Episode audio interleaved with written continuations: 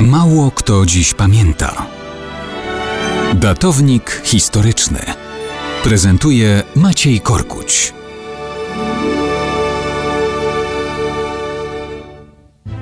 Mało kto dziś pamięta, że 14 maja 1983 roku zmarł w szpitalu Grzegorz Przemyk.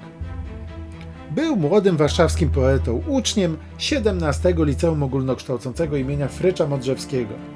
Dopiero co zdał maturę, świętował to wraz z kolegami 12 maja 1983.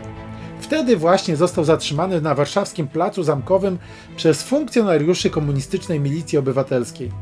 Zabrany na komisariat MO został ciężko pobity. Milicjanci czuli się bezkarnie. Nieco ponad tydzień wcześniej ta sama milicja pobiła ciężką matkę Grzegorza, Barbarę Sadowską, która była działaczką solidarnościową, członkinią Komitetu Prymasowskiego niosącego pomoc dla ludzi prześladowanych przez reżim jaruzelskiego i dla ich rodzin.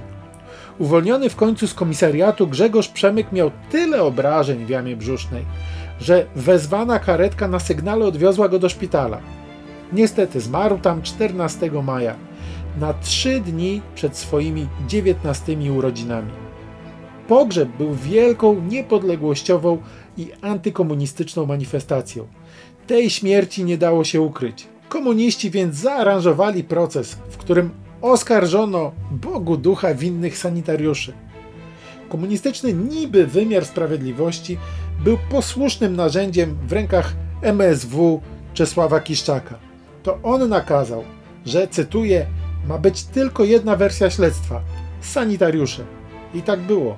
Niewinni ludzie poszli do więzienia. Komunistyczni sprawcy z milicji obywatelskiej zostali ogłoszeni niewinnymi. Tak wyglądała rzeczywistość lat 80. w PRL, a Grzegorz Przemyk nie był ani pierwszą, ani ostatnią ofiarą służb Wojciecha Jaruzelskiego.